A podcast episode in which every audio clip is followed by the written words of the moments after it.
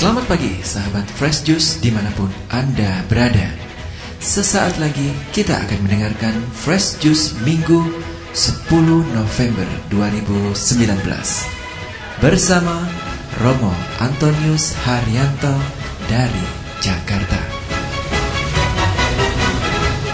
Sahabat Fresh Juice di bulan November ini kami akan mengadakan syukuran sederhana Ulta Fresh Juice yang ketujuh bagi yang berada di Surabaya dan sekitarnya bisa mengikuti gathering Fresh Juice pada tanggal 17 November 2019 di Hotel La Lisa.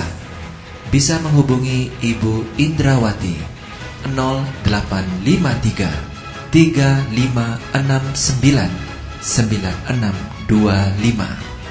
Dan bagi yang berada di Bali dan sekitarnya, bisa mengikuti Gathering Fresh Juice hari Sabtu 23 November 2019 di Hotel Adi Jaya Sunset Road. Bisa menghubungi Rita 0817 864 591. Akhirnya, mari kita mendengarkan renungan hari ini.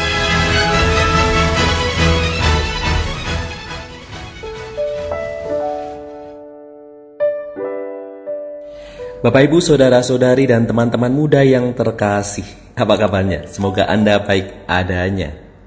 Hari ini 10 November, minggu biasa ke-32. Permenungan kita diambil dari Injil Lukas bab 20 ayat 27 sampai 38. Sekali peristiwa datanglah kepada Yesus beberapa orang Saduki yang tidak mengakui adanya kebangkitan. Mereka bertanya kepada Yesus, "Guru, Musa menuliskan untuk kita perintah ini. Jika seorang yang mempunyai saudara laki-laki mati meninggalkan istrinya tetapi tidak meninggalkan anak, maka saudaranya harus kawin dengan wanita itu dan membangkitkan keturunan bagi saudaranya." Adalah tujuh orang bersaudara. Yang pertama kawin dengan seorang wanita, lalu mati tanpa meninggalkan anak. Lalu wanita itu dikawini oleh yang kedua dan oleh yang ketiga, dan demikianlah berturut-turut oleh ketujuh saudara itu. Mereka semuanya mati tanpa meninggalkan anak. Akhirnya wanita itu pun mati. Bagaimana sekarang dengan wanita itu? Siapakah di antara orang-orang itu yang menjadi suaminya pada hari kebangkitan? Sebab ketujuhnya telah beristrikan dia.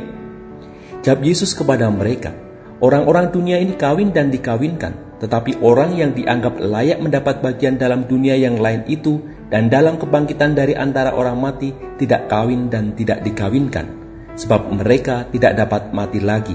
Mereka sama seperti malaikat-malaikat dan menjadi anak-anak Allah, karena mereka telah dibangkitkan.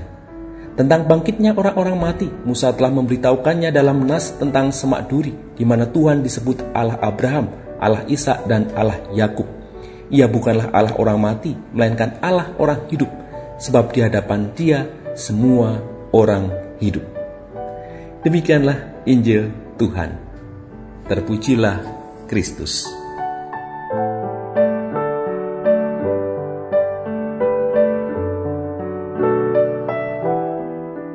Saudara-saudari dan teman-teman muda yang terkasih, siapa gak mau mati? Siapa yang takut mati? Siapa yang ingin tetap hidup di dunia ini? Takut akan kematian membuat kita sering kali tidak maksimal menjalankan panggilan hidup ini. Mau berkarya tidak ingin naik pesawat, takut jatuh. Tidak ingin naik kendaraan, takut tabrakan. Tidak mau naik kapal, takut tenggelam. Tidak ingin membantu orang lain, takut kena batu. Tidak mau mengulurkan tangan, takut kena serangan. Tidak mau membuat resiko untuk kebaikan, daripada nyawa taruhannya. Apakah demikian yang diteladankan Yesus Tuhan kita? Tidak. Yesus berani mempertaruhkan diri dan hidupnya untuk sesuatu yang lebih baik. Ia siap dicibir untuk menolong dia yang berdosa. Dia siap untuk dihujat untuk membantu mereka yang sakit. Ia siap mengorbankan nyawa untuk dosa-dosa manusia. Saudara-saudari dan teman-teman muda yang terkasih dalam Yesus Kristus, dalam doa kredo, doaku percaya pada bagian akhir kita mendoakan. Aku percayakan roh kudus, gereja katolik yang kudus, persekutuan para kudus, pengampunan dosa, kebangkitan badan, kehidupan kekal. Iya, kita percaya mengalami kehidupan kekal, kehidupan abadi bersama Allah di surga. Ia bukan Allah orang mati, melainkan Allah orang hidup, sebab di hadapan Dia semua orang hidup. Saudara-saudari dan teman-teman muda yang terkasih, Yesus menjadi kekuatan pokok kekuatan dasar akan hidup baru. Ia telah mengalami derita dan mati, namun ia mengatasinya dengan kebangkitan mulia. Peristiwa Yesus makin meneguhkan hidup dan kesaksian kita akan kebangkitan apa pun resiko yang dihadapi karena beriman padanya. Kesetiaan iman membawa pada kehidupan baru, yakni persekutuan dengan Allah. Ke mana kita setelah mati? Bersatu bersama Allah dalam keabadian. Kebangkitan badan, kehidupan kekal. Tantangan kita adalah menjadi orang yang militan setia pada iman kita. Tuhan memberkati.